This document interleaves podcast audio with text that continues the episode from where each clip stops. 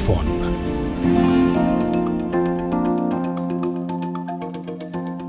Dobar dan, ovo je podcast Istinomera u mikrofon. Moje ime je Danica Vučenić.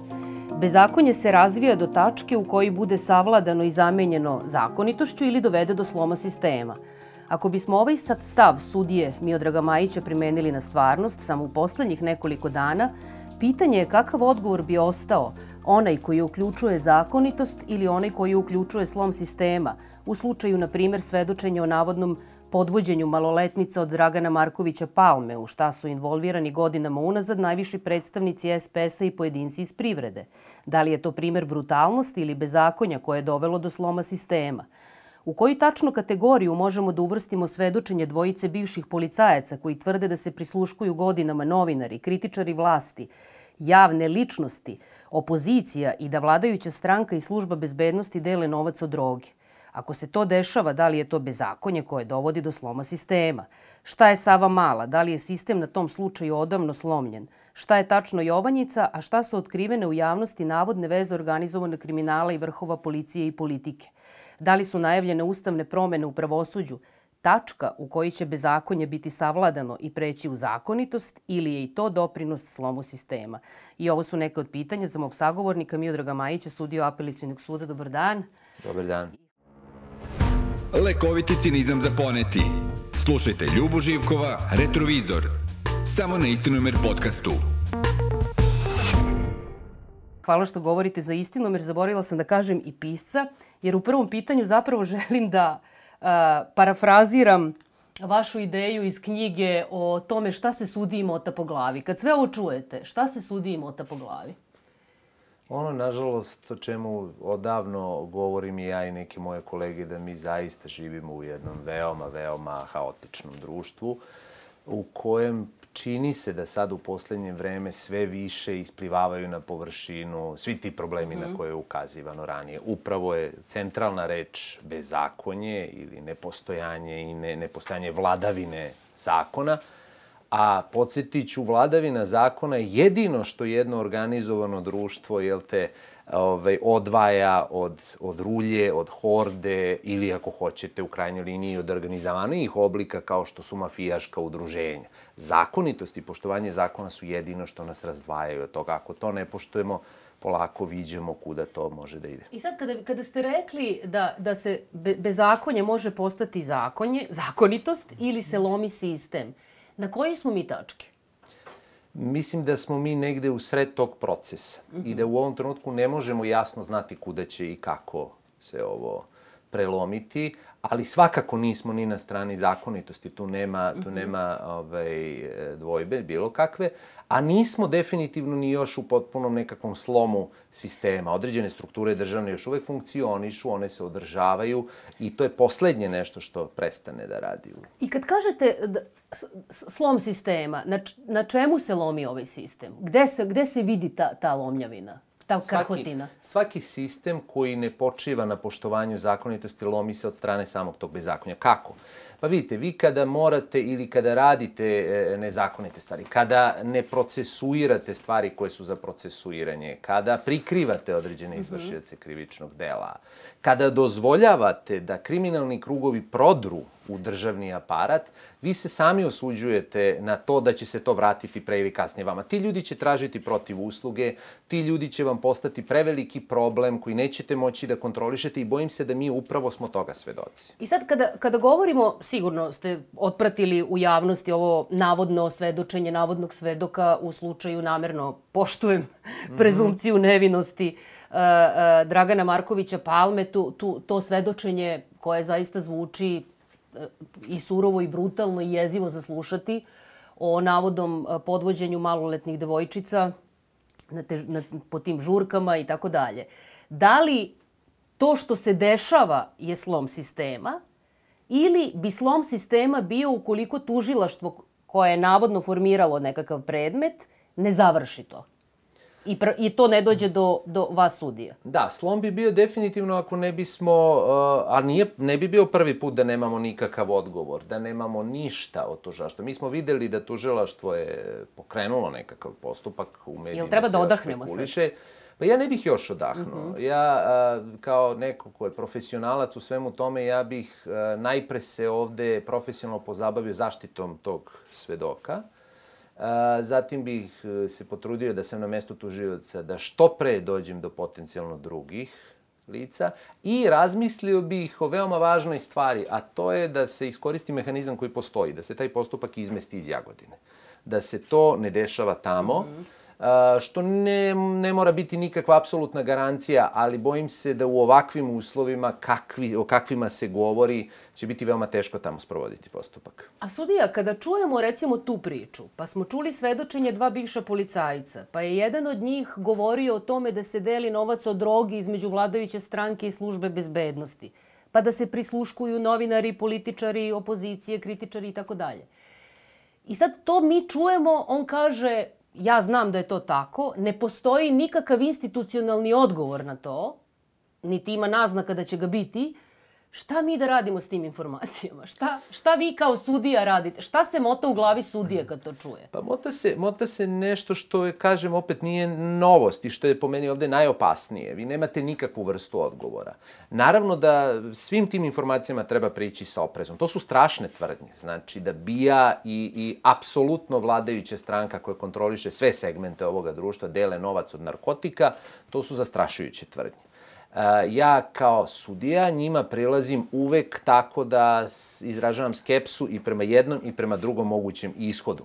Ono što je ovde problem što mi, bojim se, ni tim povodom nećemo dobiti nekakav validan odgovor mm -hmm. u skorije vreme. Ili da ako taj čovek laže, on bude procesuiran i da se vidi zašto to radi, sa kakvim ciljem, da onda saznamo nešto više i o drugim tvrdnjama sličnim, ili pak da se e, momentalno na najvišim telima ove države, e, od onih koji se bave bezbednošću ove države, tužilaštve, tako, pod hitno pokrene akcija se ispitaju te tvrdnje. Mi ne vidimo trenutno ništa od ne, toga. E, i sada, da li je to ta tačka, jer ta vaša teza o bezakonju koje prelazi ili u zakonitost ili u slom ima i nastavak koji ja nisam mm -hmm. još rekla, evo sad ću da ga izgovorim, a to je da se bezakonje okreće protiv vlasti. Mm -hmm. Gde gde, da li vidite da se sada to okreće protiv vlasti?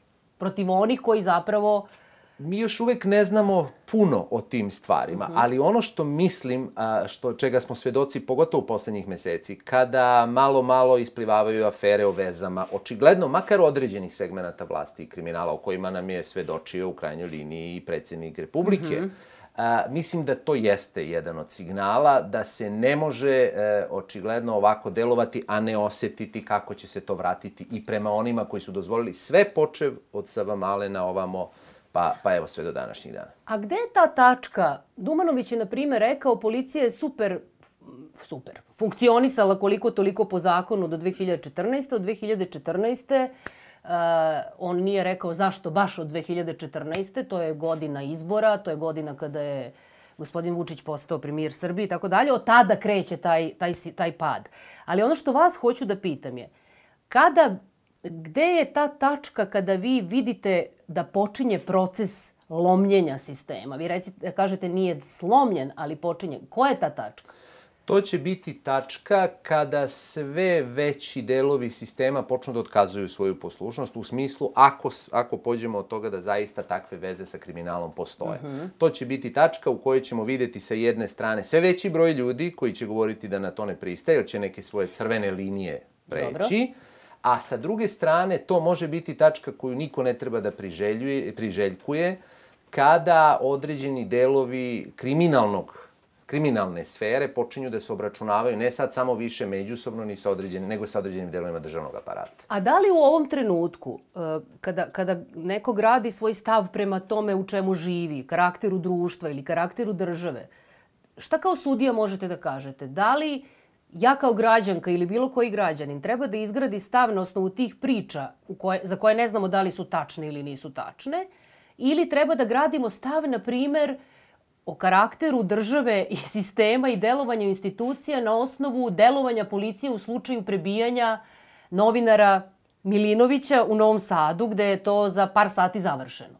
Dakle, šta je sad Građani su ti koji u, u, u demokratiji, pa i ovakvoj u krajnjoj mm -hmm. liniji, menjaju, menjaju izgled sistema. I tu nema nikakve druge stvari. To ne menjaju sudije. Ja ne mogu da kažem e, građanima šta da urade. Ja bih radio protiv zakonito. Ja ću biti sudija i u jednom i u drugom izabranom sistemu. Ali sistem više liči sistemu. na ovo ili e, na ono? To je... Da bi, da, bi, da bi građanin mogao tu svoju funkciju da obavi, mm -hmm. on mora da se informiše na različite načine. Ono gde ja vidim problem, a to je iz sfere vašeg, vašeg Dobro. posla, je da ovde građani nemaju a, mogućnosti da se većina njih dobro i pravilno informišu. Vi imate zasnovan sistem na tome da će informisani građani dati svoj glas, ako on nema, a nema ovde informaciju, mm -hmm on daje glas na osnovu potpuno netačne ili delimično netačne slike.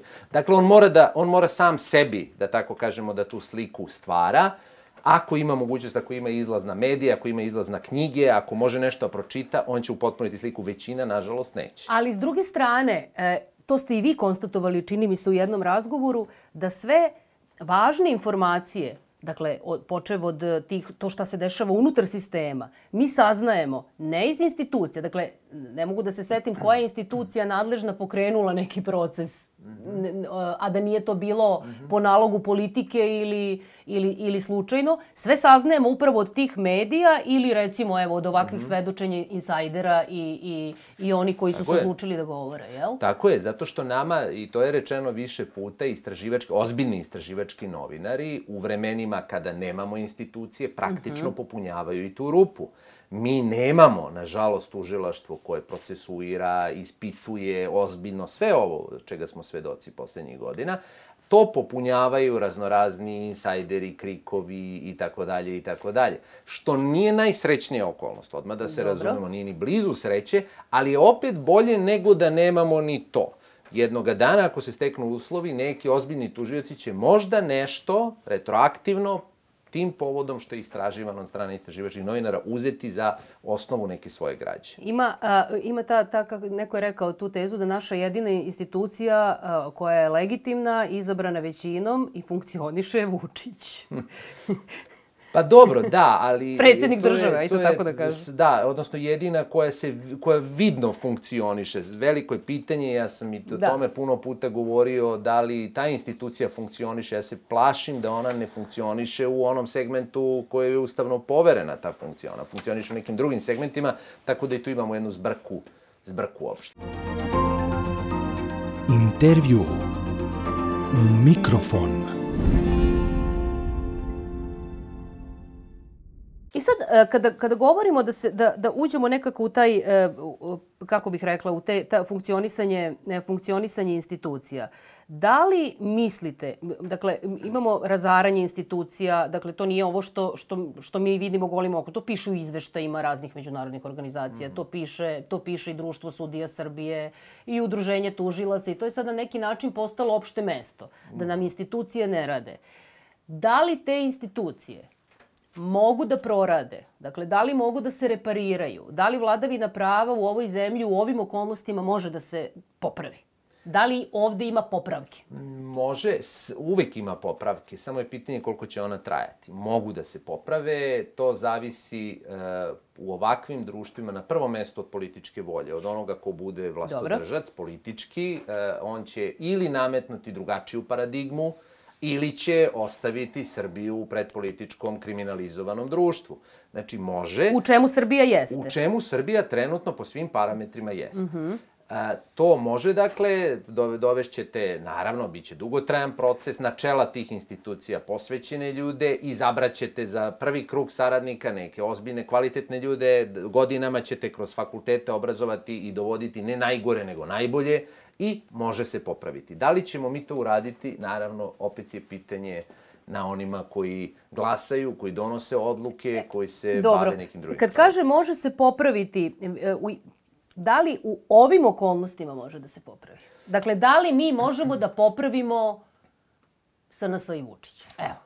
I da sad To. odjednom bude demokratija i sloboda deo medija. pitanja već malo zalazi van moje, ali mogu da vam kažem na Vi drugi možete način. na drugi način mogu da na drugi odgovorite. način da vam kažem. Znači, ja i kada sam rekao da nešto može da se popravi Dobro. malo pre, uopšte nisam mislio da to može brzo i ovako kako nam često obećavaju, čak i ovi političari koji dolaze Mhm. iz drugog spektra. To će jako dugo trajati. Ovaj sistem je toliko duboko, po mom uverenju, korumpiran na različite načine. Mhm. I to, ti tragovi, suprotno onome što nekada pomislimo, ne sežu baš samo 6, 7, 9 godina unazad, nego mnogo, mnogo dalje, da će ga biti jako teško popraviti kogod da dođe na vlast i kolike god želje za to bude imao. Ali, može, može uz naporan rad i može uz potpuno jasnu političku odre- određenost prema tome da ovo kuda smo išli je katastrofa, da ovo kuda je Srbija išla dovelo nas je na prag nekih zemalja južnoameričkog tipa i da sad želimo nešto drugo. Ako ipak i dalje želimo da ostanemo autoritarno društvo koje voli da sluša jednoga, kogod on bio, svi su izgledi da ćemo nastaviti ovom putanjem.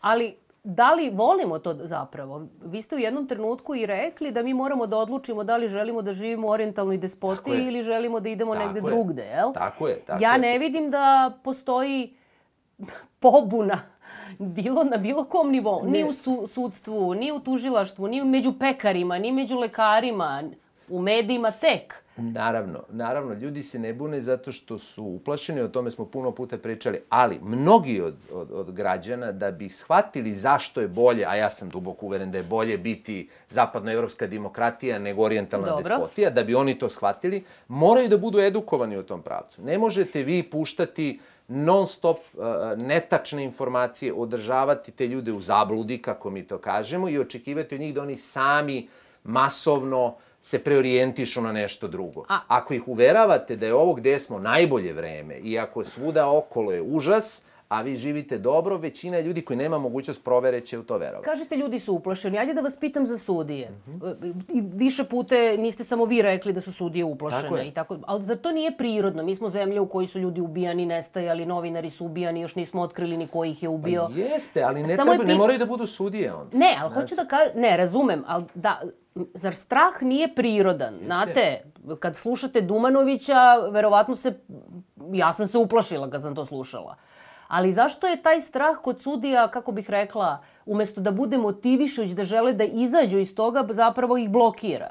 Zato što je ovako jednostavnije, zato što je sistem u kojem živimo napravljen tako da ti se ništa neće desiti ako ćutiš i ne izlaziš na površinu ili ne remetiš ovu uravnilovku u kojoj se nalazimo. Ne traži se nikakva akcija. Svaka, svako zahtevanje akcije je teže za pojedinca nego ostanak ispod površine i puštanje da život odmiče na uobičajeni način. Ali zar nije to veća cena? Pa nije, Zar ne očigledno. plaćate veću Zašto? cenu time? Sudije, sudije redovno dobijaju plate i takve kakve su. Mhm. Jel te? Kada bi se na bilo koji način postavilo pitanje odgovornosti prvi put, ozbiljnije pitanje odgovornosti za stvari koje su rađene, prećutane ili neučinjene, recimo, Dobro. tužilaštva, onda bi to zaista moralo neke da, i sigurno motivisalo neke i rekli, vidi, ovde se postavljalo pitanje odgovornosti, ali ne političke odgovornosti, nego odgovornosti za to što nisi radio svoj posao u novinarstvu, jednako kao u sudstvu, tužilaštvu i tako dalje. Međutim, ovde se to ne postavlja. Generalno se takvo pitanje ne postavlja i kad dođe do promene sistema, manje više stvari ostanu slične, uzmu se u sistem oni ljudi koji su ranije bili korisni jednako za drugu ekipu i tako dalje tako dalje, da sad ne prepričamo Da, kako razumem. naš sistem ne, izgleda. ne, ka, razumem, ali recimo sad to je bilo, bilo je dosta debate oko toga kako to niko nije uh, želeo da se kandiduje za. Vrhovni kasacioni sud, nema protiv kandidata, ljudi nisu zadovoljni Mhm. uh, ličnošću koja je izabrana i tako dalje. A s druge strane, jedan muk u sudstvu kao da to i ne postoji. Kao, da, su to je. odustaj, odustajanje Da, od... mislim da je dvo, dve, dva aspekta su te priče. Stavljajući na stranu čak sad ličnost kandidata. Ovde je bila strašno problematična procedura. I da. Zašto se niko nije kandidovao? To je totalno nenormalno. To je, to je kako vam kažem, to se ne dešava u re, Mhm. redovnim okolnostima. Po, e, uporedio sam kao što se ne dešava da bude jedan predsjednički kandidat za republičke izbore. A, ljudi jednostavno nisu se kandidovali zato što su očigledno bili svesni da je ta stvar završena i da nikakvo njihovo kandidovanje sa bilo kakvom biografijom, mm -hmm čak i da hoće da uđe u tu utakmicu, nikuda ne vodi. Znači, prosto se zna ko je kandidat, o tome se mesecima unapred govorilo i oni nisu želeli, tu ima, kažem, ljudi pred penziju ozbiljnih sudija koji nisu želeli da se šegače sa njima, znate, i da ih puštaju u nekakav Dobro. proces koji unapred determinisan. Ajte nešto lično da vas pitam. Da li vi imate, vi ste jedan od, vi ste incident, mislim, kako da kažem, izlazite, govorite javno, kritički ste o, kritički govorite o, o raznim pojavama u društvu i u pravosuđu i tako dalje.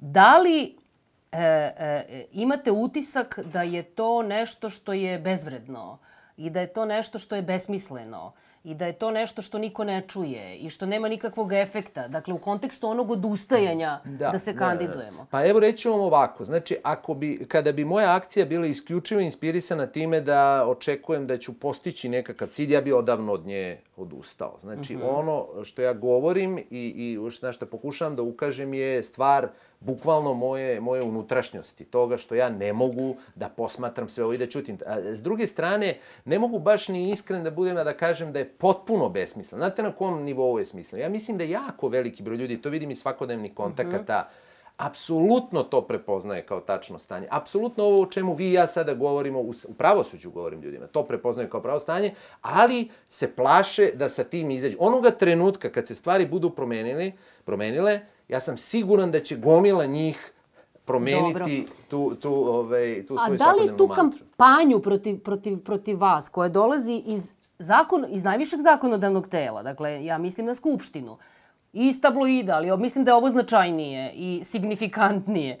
Dakle, da li to, te napade uh, razumete kao uvrede ili kao pretnju? Ne, čak ni kao jedno, ni kao drugo prvenstveno. Ja to odavno posmatram kao jedan mehanizam uigrani koji je tu na prvom mestu da sve ove koje, za koje me vi pitate odgovori od bilo kakve ideje. Jer bi postao veliki problem kada bi sada mesto jednog dvoje sudija u Srbiji njih 50, 70 ili 100 u različitim delovima zemlje govorile o ovome, pokretala ova pitanja ili rekla jednostavno ja ne pristajem na to da mi se servira kakva će biti moja odluka i da razmišljam o tome šta ćete govoriti Dobro, o mene u Skupštini. Ali, to bi postao veliki problem. Sad ako hoću, mislim, da budem cinična, onda bih rekla, a zašto je to njima problem? Pa zamislite da vas Atlagić Rističević hvale. Mislim, hm. hoću da kažem... Pa dobro, različiti smo ljudi, znate. Nije svako, ne doživljava svako to isto. Ja imam članove dalje familije koji se potresu svaki put kad uh -huh. to mhm. gledaju, a nisu lično prozvani i nisu mi najuža familija. Ja odavno to gledam potpuno ono kao, kao deo performansa, A, ljudi su različiti. Ima ljudi koji prosto i ne žele da bude u tome. I, I puno puta govorim, važno je znati da dobro ustrojen sistem kakav ćemo, nadam se, jednog dana ovde imati, nije on zasnovan na nekim ludim pojedincima koji prihvataju da 24 sata budu dnevno na ne, skupštini. Naravno, da. On je zasnovan na tome da taj sudija sudi pošteno i da bude zaštićen od te države. Da taj tužilac koji bi trebalo da pokrene od Savamale pa sve do ovoga što smo čuli danas, da bude zaštićen od države. A on zna i republički tužilac jednako, da tog trenutka ako izađe van sistema, on je gotov. Njega nema, što pokazuje i Ali ovo ovde je obrnuto. Ovde je situacija obrnuta. Ovde je opšte mesto da to ne radi ništa. Tužilac ne postoji ne sudi se, ne pokreću se postupci. Pa dobro, ali kao što vidite, Sve pripadnici visi. vladajuće većine ga i ne napadaju. Uh mhm. -huh. Pa ne, zašto bi ga napadali? Postoji jedna pa kažem, harmonija, sve. harmonija u tom funkcionisanju. Znači, ovde se napadaju oni koji ukažu na to da je takvo stanje nenormalno. Ja, ja, upor, ja govorim stalno to... u pravosuđu da je takvo stanje nenormalno. Da mi jednostavno nemamo tužioca, da nemamo sudsku vlast, Napada se to. Znači, ideja o tome da nešto tu krupno ne valja se napada da slučajno drugima, za koje ja sam siguran da i oni znaju da to znaju, ne padne na pamet da izađu Da, ali je ta situacija nenormalnosti normalizovana. Naravno. Više je postalo pa opšte jeste, mesto, jel? ali zato što ponavljamo, zato što ovako je mnogo jednostavnije. Vi imate, kao što ste rekli, incident, I onda je mnogo -hmm. lakše reći, to je on nešto umislio. Mm -hmm. Mi živimo u sjajnom pravosuđu. Čuli smo i to na Skupštini, da nije tako sjajno pravosuđe, ovaj, ne bi se, ne bi se ovaj, ni, ni, ni bavili na taj način, jel te njime, nego je sve razrešeno. I sad me zanima, te, te ustavne, najavljeno je da, se, da će sad odjednom posle četiri godine, posle četiri one, one, ona plana, e, ne znamo ni ko je pisao to. Posle toga što je to otišlo u sekretarijat Venecijanske komisije, a ne u tamo gde treba i tako dalje. Sad odjednom se pokreću ponovo, ulazi u Skupštinu promene Ustava. Da li imate ideju Zašto se sad odjednom, imajući u vidu najavu vanrednih parlamentarnih izbora, imajući u vidu da se Ustav menja ne samo u Skupštini, nego i na referendumu, da li imate ideju šta se tu dešava? E, e, vidite, recimo i vaše pitanje koliko govori o tome koliko mi živimo u nenormalnosti. Pa bio bi logičan odgovor da kao, pa zaće da do kraja godine zato što je po akcionim planom predviđeno, ali niko u to ne veruje. Ali jeste akcioni normal, plan zaista je, da do kraja plan godine. govori do kraja godine. I da mi živimo u normalnom društvu, moj odgovor bi bio pa zato što je akcionim planom to predviđeno. Ali milion puta su Ali, ti rokovi... pošto smo em naučili da se rokovi non stop ovde krše, pa smo čuli od prethodne ekipe iz Ministarstva pravde, pa to rokovi ko rokovi, nema to nikakve veze, pa tako i očekujemo da je potpuno moguće da će i ovaj put to biti mm -hmm. prebačeno, mi smo došli u situaciju da se zaista pitamo i šta god nam se ponudi kao odgovor, mi u to sumnjamo. Meni se čini da je ovaj put e, zaista toliko dugo mi valjda ne pokazujemo nikakav taj napredak u, u, u mhm. evropskim integracijama. Mi sad ozbiljno već imamo jedan zastoj.